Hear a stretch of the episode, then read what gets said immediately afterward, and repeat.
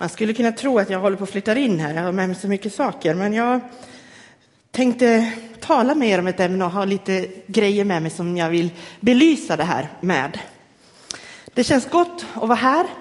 Eh, Sara heter jag, är kårledare på Frälsningsarmén, officer. Men eh, jag satt och räknade ut att jag är femte generationens pingstvän i nedstigande led från när pingströrelsen började.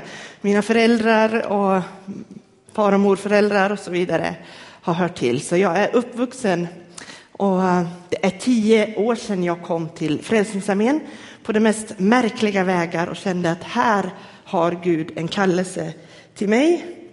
Eh, och det kändes eh, märkligt att få byta samfund på ett sätt, men jag visste att det var exakt det Gud ville just då för mig. Men det känns ju lite hemma, jag måste ju säga det. Och ni har en så fin lokal. Det här är första gången jag är inne här i möteslokalen. Jag har varit tror jag nästan överallt annars här, men det här är första gången. Väldigt fint och fint att få dela en gudstjänst tillsammans med er. Jag skulle vilja läsa en text ifrån Jeremia. Och jag kommer inte tala över kyrkårets text eller tema idag, utan det är en text som jag har predikat om många gånger, men som för varje gång jag gör det så händer det någonting med mig själv och jag ser nya bilder. Och jag kom inte ifrån den här texten. Jeremia 18, ifrån den första versen. Och då skriver författaren så här.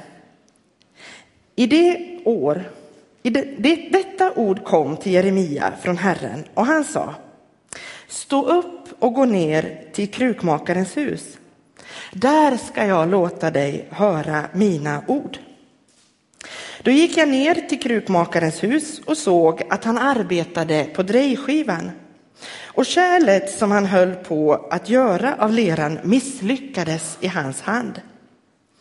Då började han om och gjorde av leran ett annat kärl, så som han ville ha det.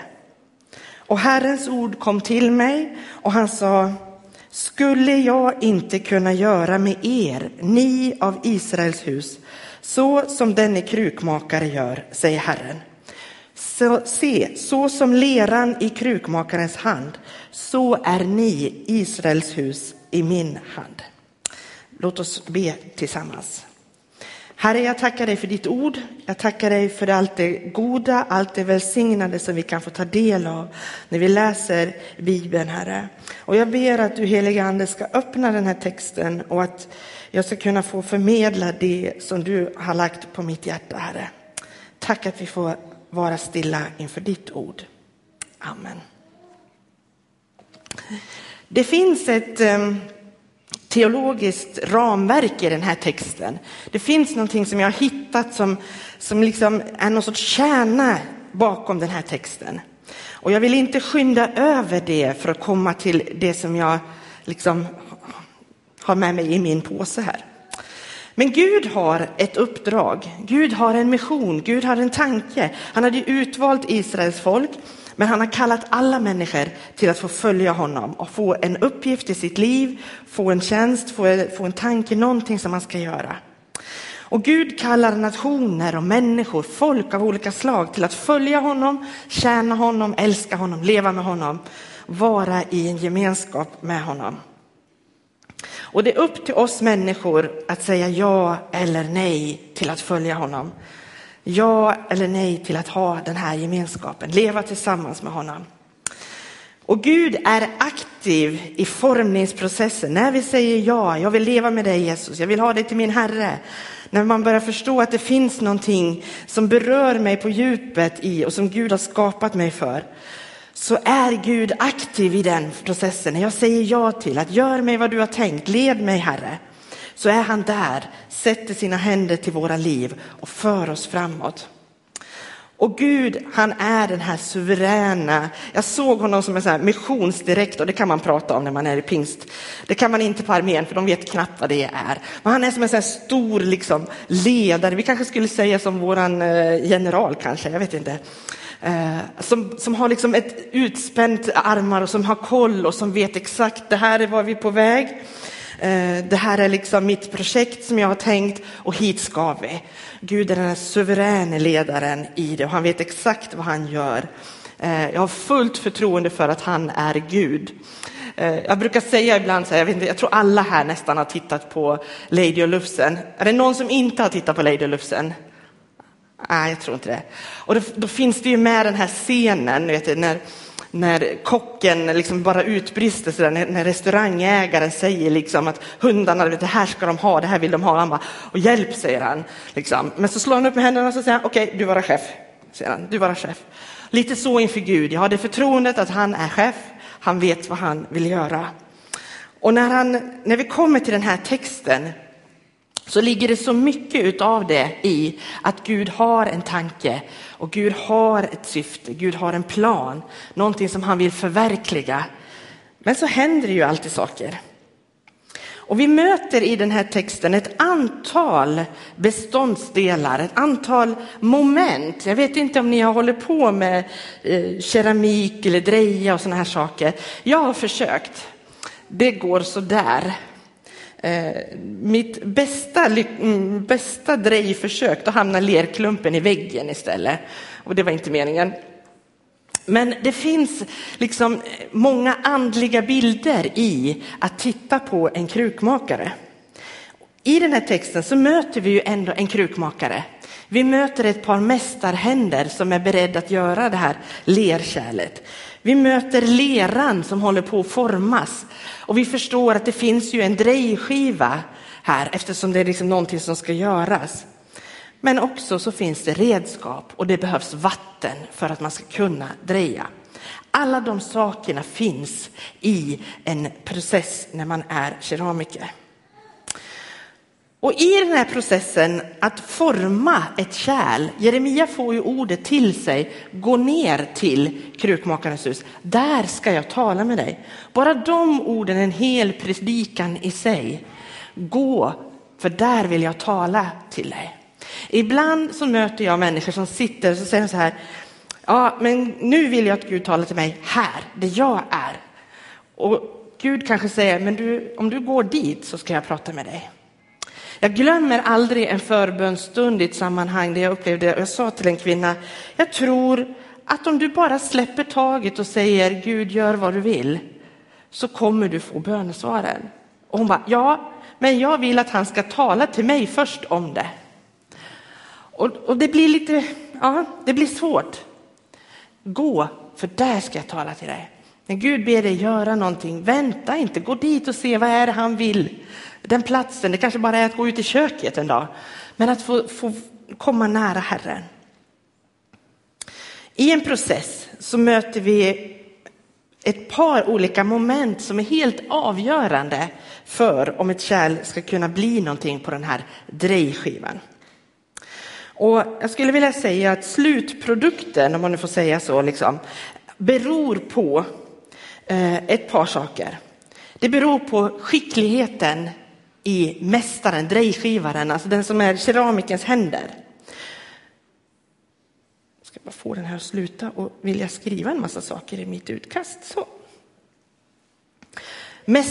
mästarens skicklighet, det som ligger i hans händer, är helt avgörande för eh, vad det ska bli. Och min tanke blir direkt här, vem är våran krukmakare? Vem är våra mästarhänder? Vem låter vi sätta sina händer till våra liv och forma oss? Eh, är det Gud som får forma oss eller formas vi mer utav världen, omständigheter, människor. Jag lyssnade på en alldeles förskräcklig, den var bra, men det var en förskräcklig dokumentär igår på P1. Jag, jag lyssnar sällan på radio, men jag satt i bilen och då var det en tjej som berättade om henne och hennes två väninnor. De var med i det här samtalet. Och det var en dokumentär om hur de när de växte upp blev den osunda gemenskapen där de hade ätstörningar allihop. Och hur de påverkar varandra så negativt med deras ord och vad de sa i den här grupperingen. Men vem är det som får påverka dig? Vem är det som får forma dig? Helt avgörande för vad det blir. Det andra som en keramiker vet, det är lerans konsistens. Och då blir det ju liksom att gå till oss själva. Vad består vi av? Ja, men vi är Guds verk, skapade av honom för ett syfte. Han har ju fullkomligt förtroende i oss att vi kan bli det han har tänkt. Annars skulle han ha gett upp det här projektet för länge sedan. Han skulle ha liksom sagt upp sig från det här missionsdirektoruppdraget om han inte visste att han älskade oss och att vi kan få vara det han har tänkt. Och det tredje är lerans villighet att låta sig formas. Vill inte lerklumpen bli någonting så blir det ingenting av det. Där får vi sätta våra liksom, ja till honom. Herre, gör vad du vill med mig. När man ska dreja eller man ska göra överhuvudtaget saker med lera så behöver man bearbeta den här lerklumpen på ett par olika sätt innan man ens kan göra något. Och det första man måste göra det är att man ska ta bort spänningarna i lerklumpen. Man förändrar lerans karaktär, man bryter upp den på ett sätt. Och det går till på det sättet att man tar den här klumpen, man slänger den så hårt man kan i ett bord. Och så upprepar man den här processen och man vänder på klumpen och så slänger man ner den. För, på det sättet så bryts spänningarna i materialet. För mig så tänker jag så här, de gånger i mitt liv när jag tycker det känns som att jag åker in i väggen i olika situationer, nu talar vi om en bild här, så tänker jag, okej okay, Gud, nu försöker du förändra konsistensen på mig som jag är i min kärna. Nu är det någonting här som du vill att jag ska få tag i för att jag ska kunna bli mer formbar efter dig. Och så fokuserar jag mer på vad är det du vill Gud att jag ska lära mig än svårigheten. Kanske är du där, där du känner att du åker ner i bordet som en klump. Grattis! Det har börjat en formningsprocess i ditt liv och det kommer bli något fantastiskt av det. Ska man dreja och att det ska bli någonting av den här drejklumpen, då måste man centrera leran mitt på drejskivan. Och det gör man genom att man trycker ner den, man sätter igång skivan, man håller emot hårt uppifrån och från sidan. Och till slut så kommer man kunna känna inte som jag då, att lerklumpen hamnar i väggen. Men man kommer känna att den sitter fast där på skivan. Den är i mitten och där kan den få bli någonting. Och om man inte är centrerad så kommer det här kärlet misslyckas varje gång. Därför att det kommer att snurra och rotera snett och det kommer inte bli något av det. Jag tänker att vi måste vara Jesus-centrerade. Låta honom få vara fokuset mitt i vårt liv. Där, först där kan det få bli som han har tänkt med oss. Jag tycker det är en så bra bild, liksom hur man får, okej, okay, jag ska liksom in i det här att få ha honom som den som är mitt allt. Det betyder inte att man blir världsfrånvänd eller knepig eller något så underligt, tro inte det. Eller att man bara, det är som jag ser bara Jesus så. Men det får vara grundtonen i mitt liv som, gör att, som genomsyrar allt det andra.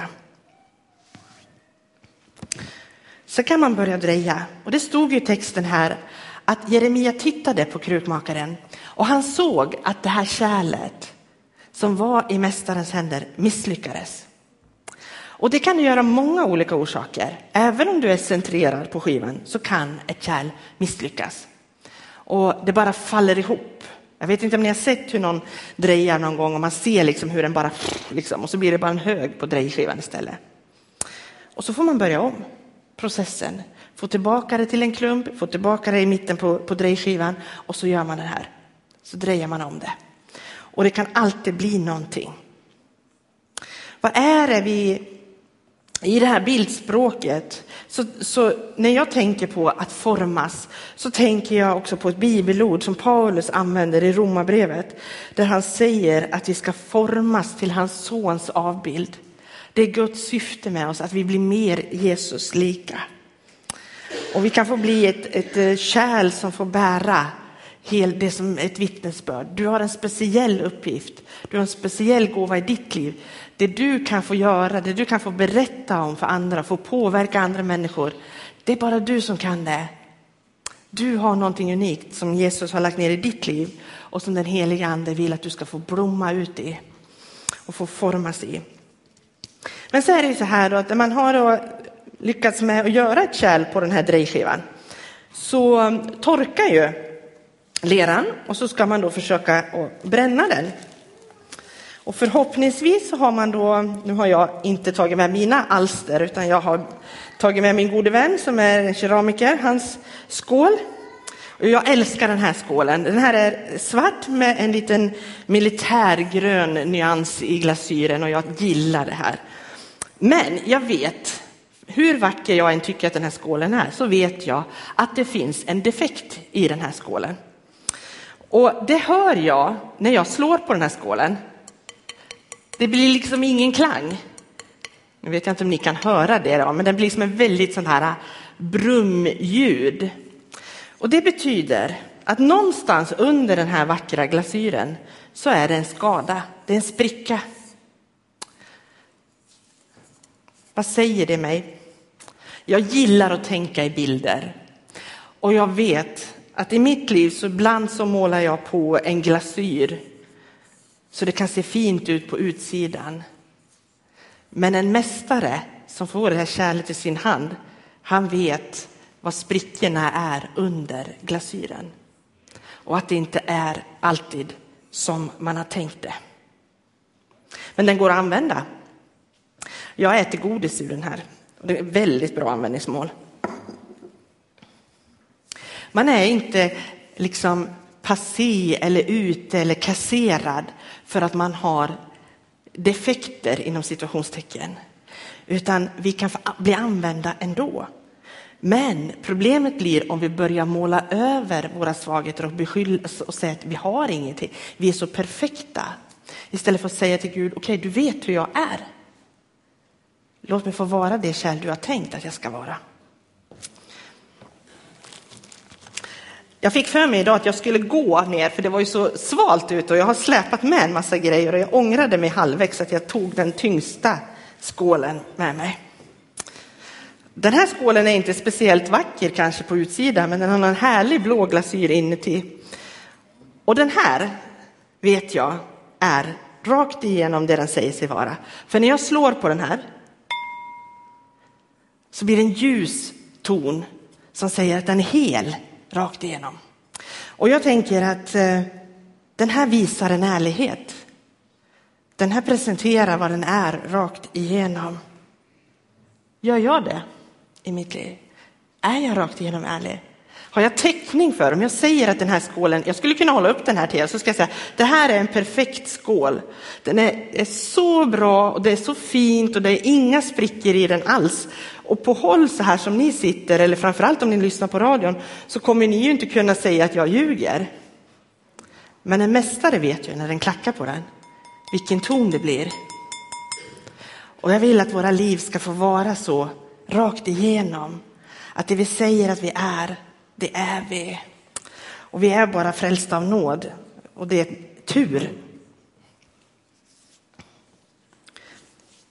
Ja, okej, okay. men tänker du kanske, ja, nu har vi varit med i, i, i keramik, eh, alltså vi har drejat våran skål, vi har blivit någonting här, men så händer det ju faktiskt att även fast man har lyckats få till ett, en skål och man har bränt den, så kan det ju hända att den går sönder, framförallt i bränningsprocessen när man är i ugnen. Prövningarnas tid.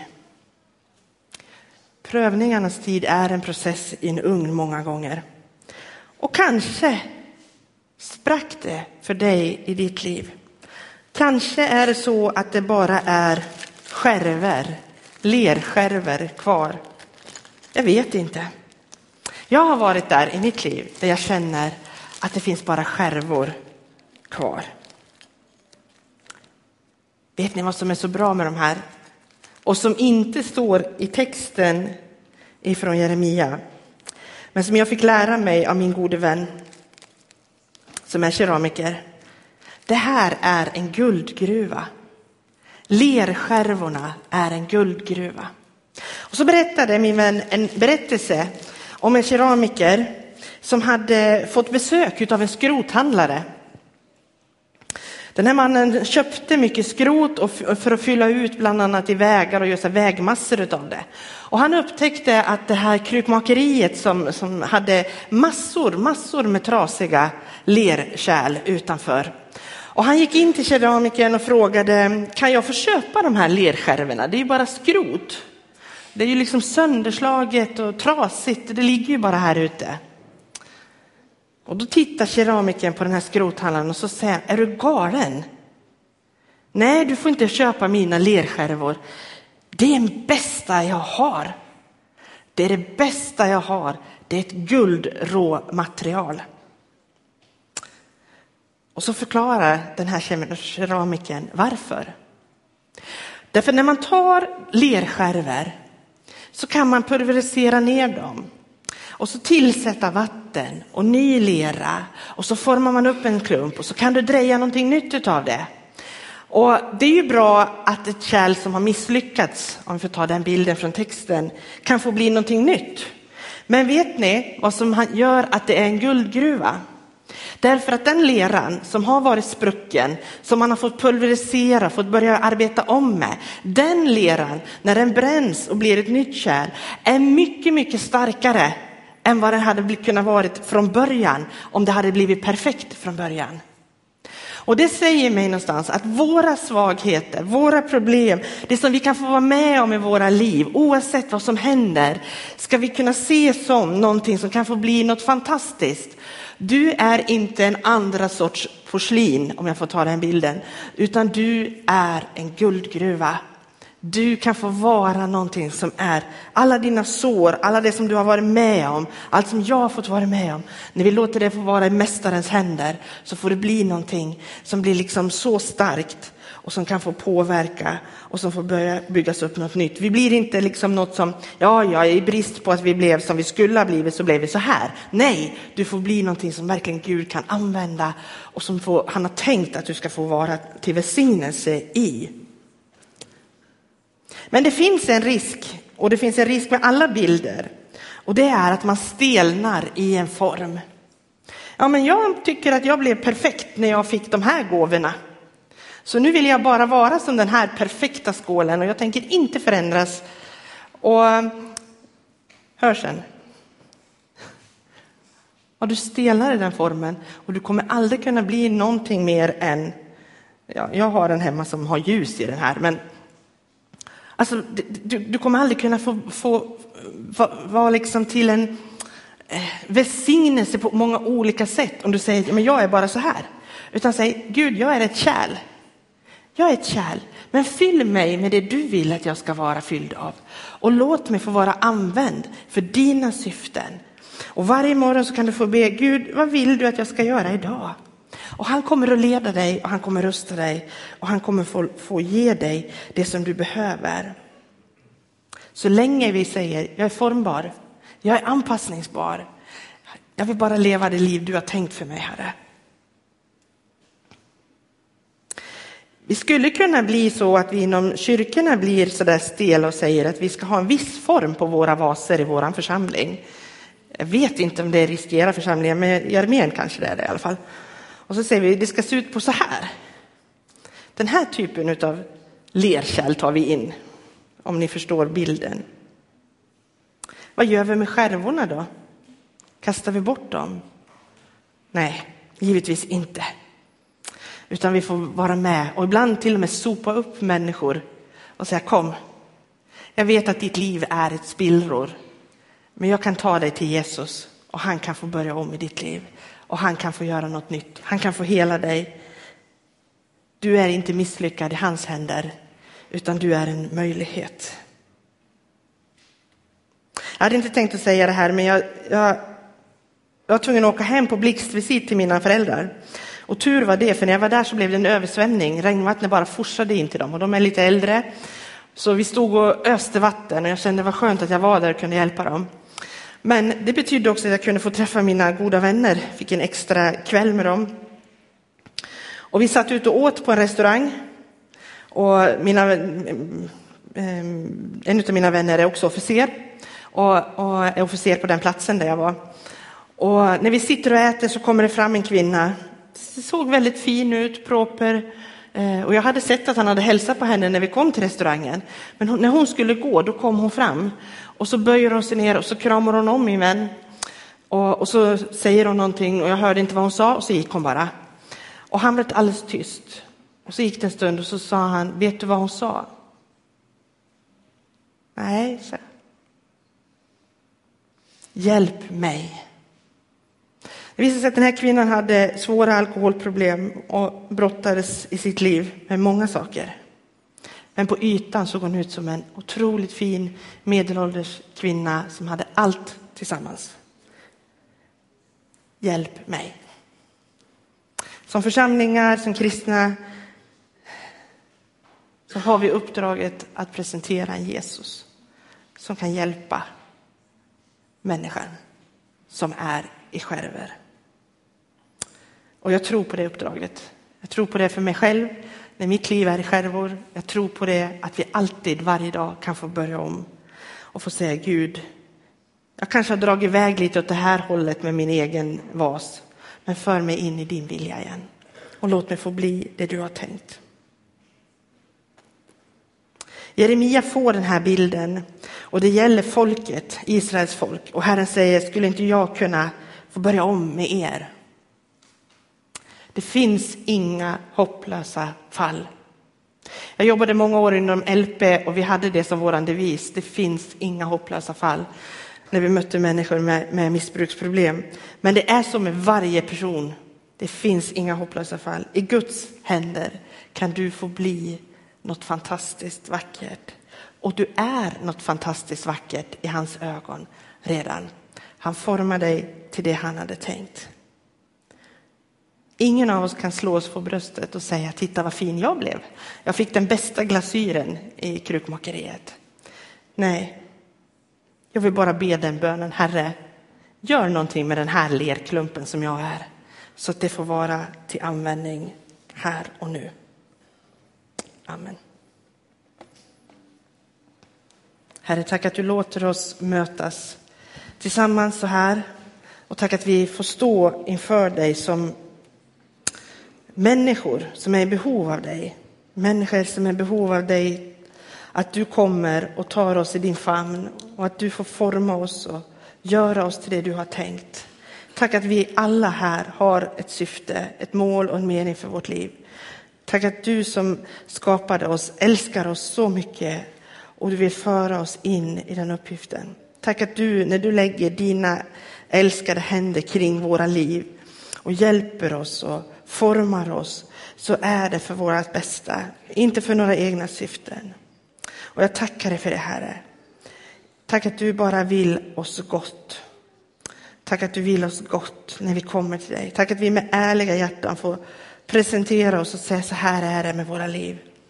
Och du bara välsignar oss, fyller oss med dig och din kärlek. Tack att det får flöda över. Tack att vi i den här stunden får uppleva hur du möter med oss. Tack att eh, du i den här stunden kan kanske få börja om i någon människas liv. Kanske någon har fått ett hopp om att mitt liv som är i skärver kan få bli någonting. Det kan få bli någonting utav det. Och tack att vi inte är någon sorts andra klass sortering, någon av oss, utan du gör oss alltid till första klass. Du sätter en stämpel på som säger liksom välgjort, godkänt, underbar, fantastisk. Tack att vi får vara det i dina ögon. Tack att du älskar oss och tack att du är här för att möta med oss. Amen.